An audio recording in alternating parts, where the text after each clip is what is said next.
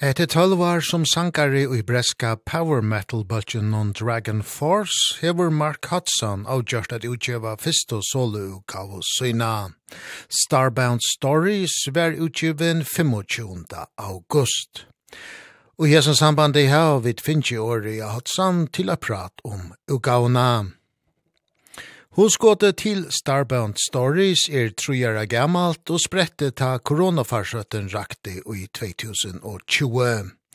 Mark Hudson og Shay D, Leonborg-løggeren i Dragon Force, hadde omidje av tøy, til bakkeren ikke kom til færa av konsertfer, og færre under at skriva tøvnløg saman. During 2020, uh, yeah, 2020 um, when the pandemic sort of started, uh, we had a lot of free time on our hands, and uh myself and the keyboard player just thought you know we've been working on some songs together. Uh let's just see where that goes. And um it just kind of got to a stage where we we're like wow these songs are really good. We should do something with it. Yeah it just just kind of happened. It wasn't something i planned. It wasn't something i ever thought i'd do. Um and suddenly here we are. So yeah, yeah. it's kind of happened like that. Yeah and how does it feel to stand on your own feet? Uh yeah it feels cool. It feels really good. Um there there's a lot more sort of uh pride behind it because um there's a lot of elements of this album that are quite personal and a lot of things that uh a lot of work went into it you know? Like if i just sing on a dragon force album you know i just have one job just sing the stuff maybe write some lyrics. And this thing was a whole project from start to finish. And like to have it all actually completed in like a, all packaged up in a nice format and like ready to sell is like a really cool feeling. It's something i haven't experienced before. Vi har finnje Mark Hudson at hega okni noen nugger lø av fyrsta solo utgav og syne Starbound Stories, og fyrsta leie han grøye fra om er fyrsta stegleie Astral Live. So this song is a, a little bit more basic in terms of its uh, the thinking behind it. Basically when, when this song was being written, we had it named Space Song because it sounded like a something about space and we were like okay we're going to make this song about space. Uh so this is kind of a bit more towards your generic power metal where yeah we we've thought of a story there to some extent um but uh it's it's really just um it's really just a collection of words about space. I think what i what i wrote for the the promo of it it's like kind of exploring the mysteries of uh, of space and uh you know everything that's outside of the earth and just kind of it's an open ended uh kind of fun song I think. But yeah it was just called space song up until the last minute. Beneath the darkness of infinity the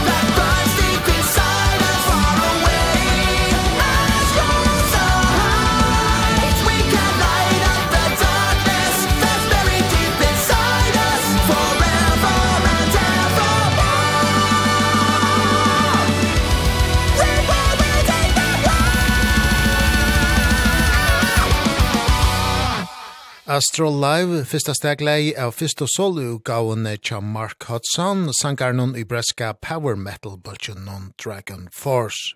Starbound Stories var utgiven 25. august. Mark Hudson høyrer ein avisan mona tånløyken nun han nu over innspalt å skriva, og tånløyken non tja Dragon Force. I think this album is is a lot more diverse, but uh, just because I think we we can try stuff out on this album that maybe Dragon Force wouldn't do because um people people listen to Dragon Force because they like guitar solos, they like catchy melodies, they like bombastic songs and lyrics about dragons and mountains and all those kind of things. So on Starbound Stories it was more of a case of um you know taking elements that we enjoy from power metal, taking elements that we like from uh Japanese pop music, um you know there's a couple of ballads on there a lot of keyboard heavy songs and to be honest there's not that many power metal lyrics really uh, by comparison. So yeah i think i think uh it's quite different. We've we've definitely diverted away from what Dragon Force are doing but there's enough similarities there i think that uh, anyone who does like Dragon Force will also like this. And you mentioned that that the inspiration came from uh, Japanese music and video game soundtracks. Uh, what is is there about these things that fascinate you? Uh, so I think um just in in western music in general there's a lot of like recycling of the same chord progressions that you hear all the time.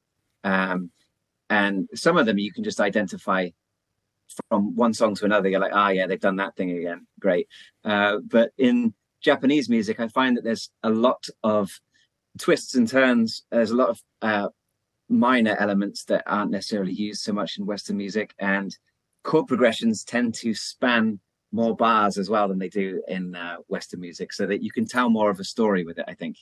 So yeah it was just really a, a case of um implementing some of those some of those inspirations into what's already you know the power metal genre with um all the things that you'd expect from power metal.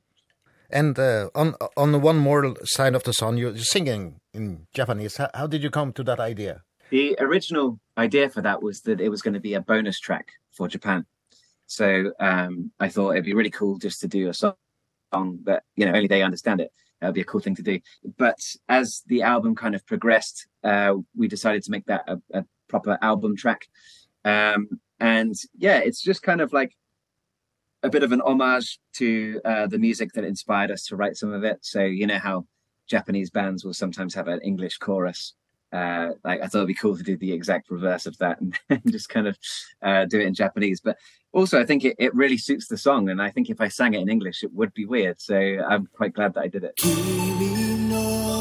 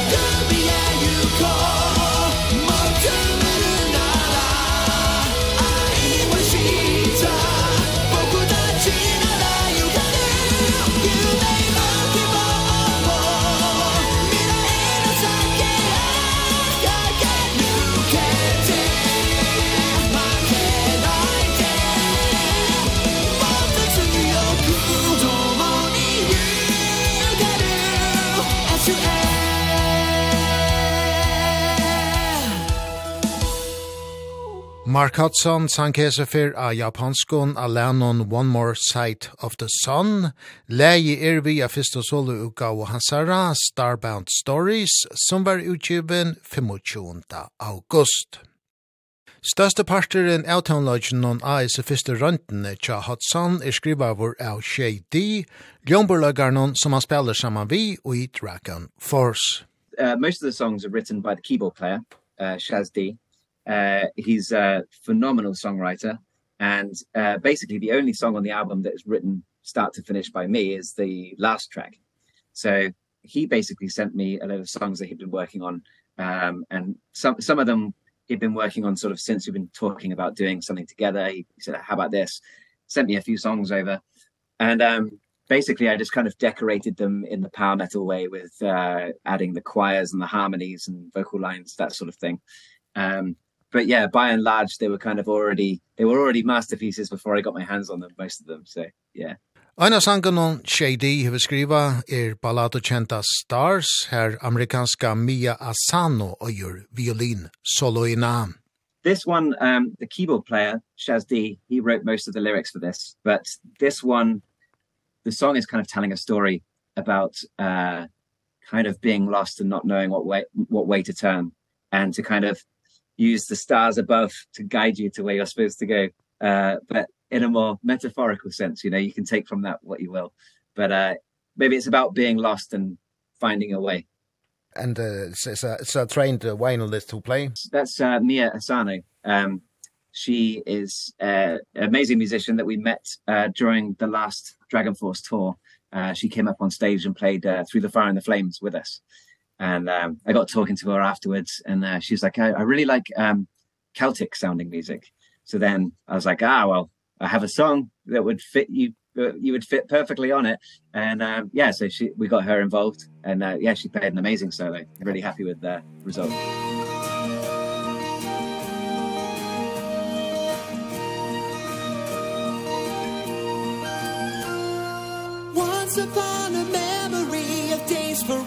gone as free as the moments could be.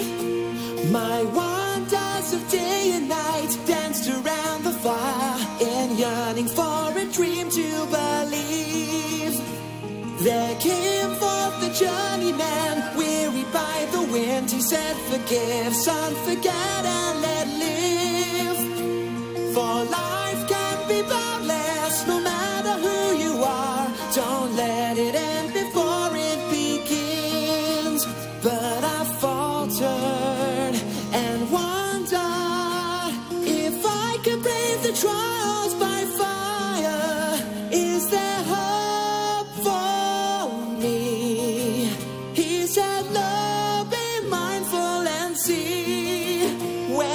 song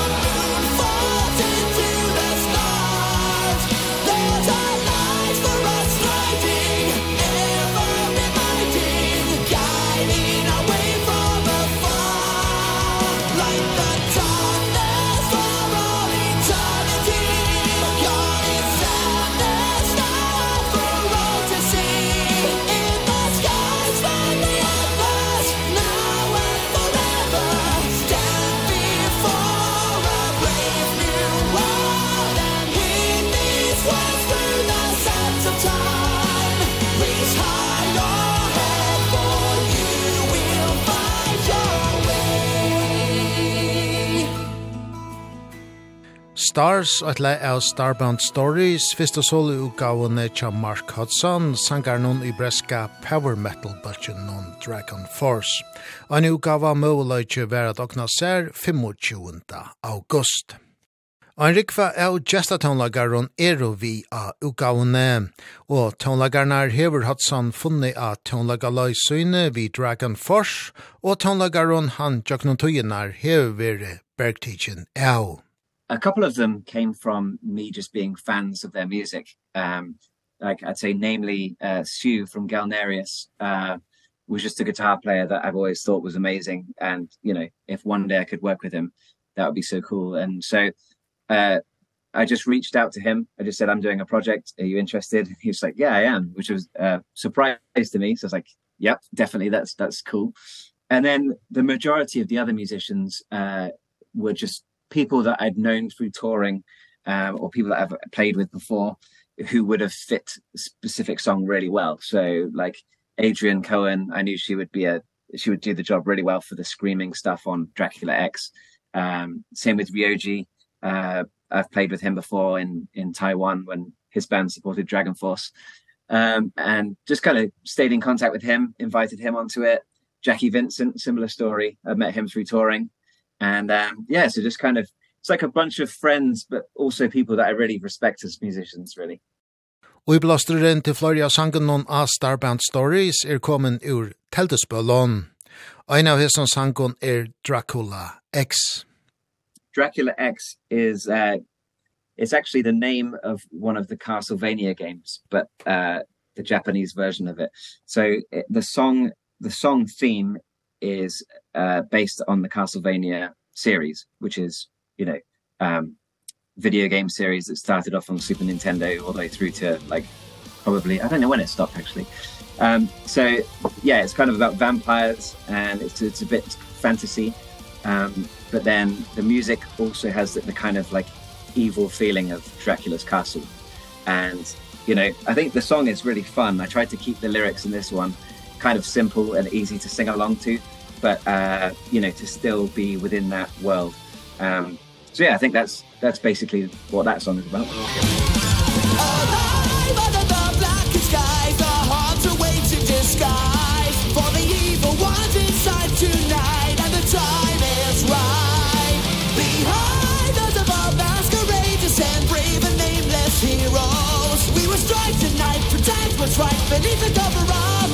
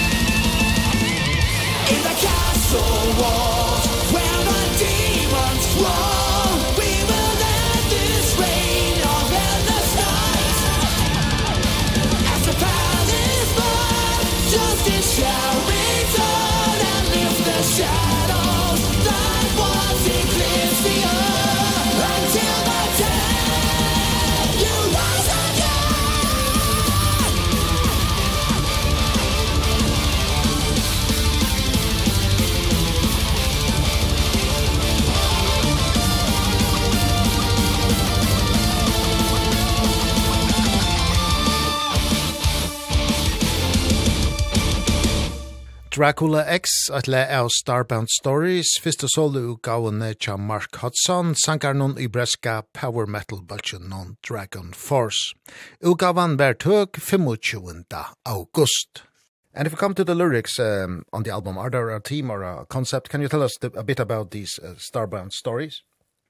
Yeah, so um, there isn't really like a common theme that runs between all the songs. Um, there are a couple of... Um, musical themes that you hear recurring through a couple of the tracks. Um but lyrically they kind of all tell their own story which is kind of the reason why it's called starbound stories as well because it kind of feels like a collection of chapters or episodes of one larger thing.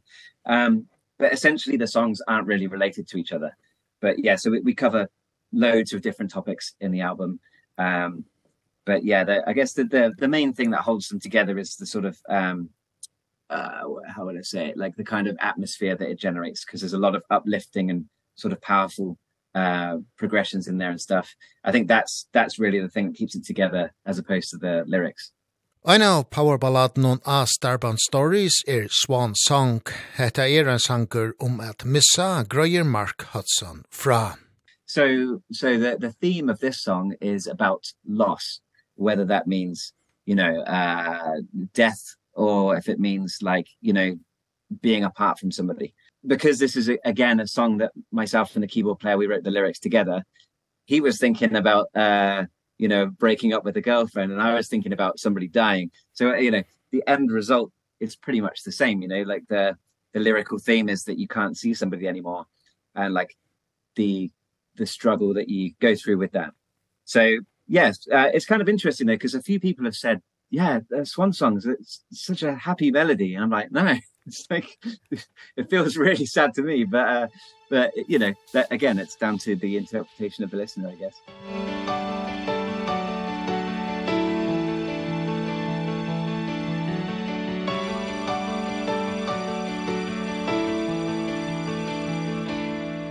And the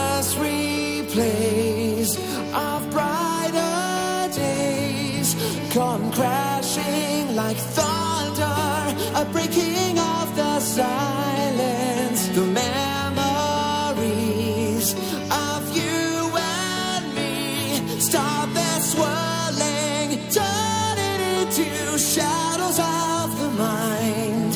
Your swan song will play on a all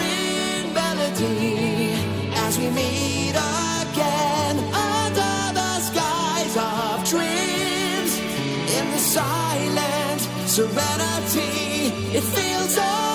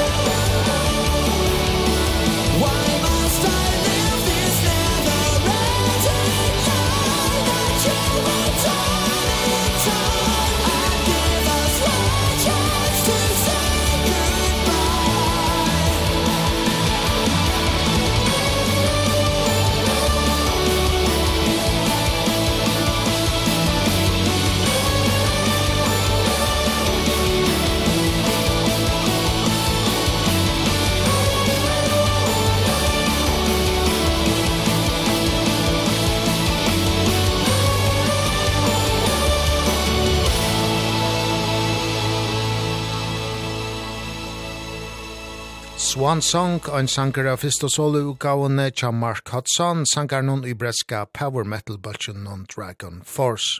Starbound Stories var utgiven 25. august.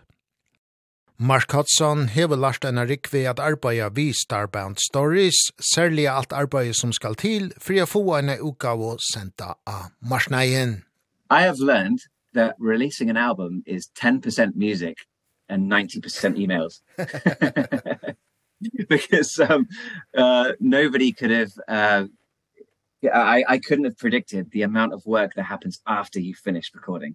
Um that's just been insane. I mean it it's cool, but uh yeah, for anybody who, you know, also has a job and does actual work, um uh, releasing an album means that you never get to sleep anymore because there's just so much shit to do. And can we ex yeah. expect some more solo albums from you? Yeah, so uh, I think what I'm going to do, first of all, is uh, I'm going to wait until this album is out. Uh, I want to see what people think of it because I, I think people are going to love it. Uh, but, but you never know. So I'm going to wait until that's happened. Um, I've got some stuff to do with Dragon Force uh, very soon. Um, and then after that, I'm going to seriously contemplate it. It's, it's something I'm planning on doing, but I haven't started so yeah it's like do you want to start another project until you finish the other one yeah yeah Sanneste sankeren vi spela av Starband Stories er langste sankeren av utgavene, Call of the Martyrs. Again, this one is one of the ones that the keyboard player did most of the lyrics for. Um, but this is more of your kind of Iron Maiden style storytelling, a bit, a bit more of a, a, a complete quest from start to finish, say um uh and it's kind of about uh someone fulfilling their their their father's footsteps. Um so like a kind of um a battle theme of a king and a prince. And uh it's it's it's a mixture of like yeah like i said that storytelling stuff and then some kind of uplifting chorus that i really wanted to feel like the turning point of the whole thing so yeah, that that's probably the only one that's like a little bit more leaning towards the fantasy realm than uh, than some of the others I'd say. Shattered lay the battle drum. His final words come forth my son. Pray these see that my life begins to end.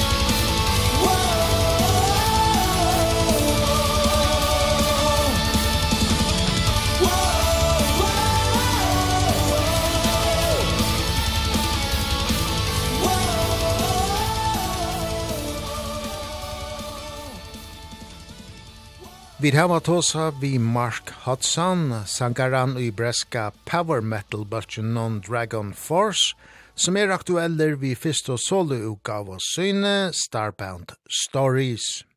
Hudson grødde jøsne fra Florida Loven non av utgavene, og nå til søgnast tog han okne i Call of the Martyrs.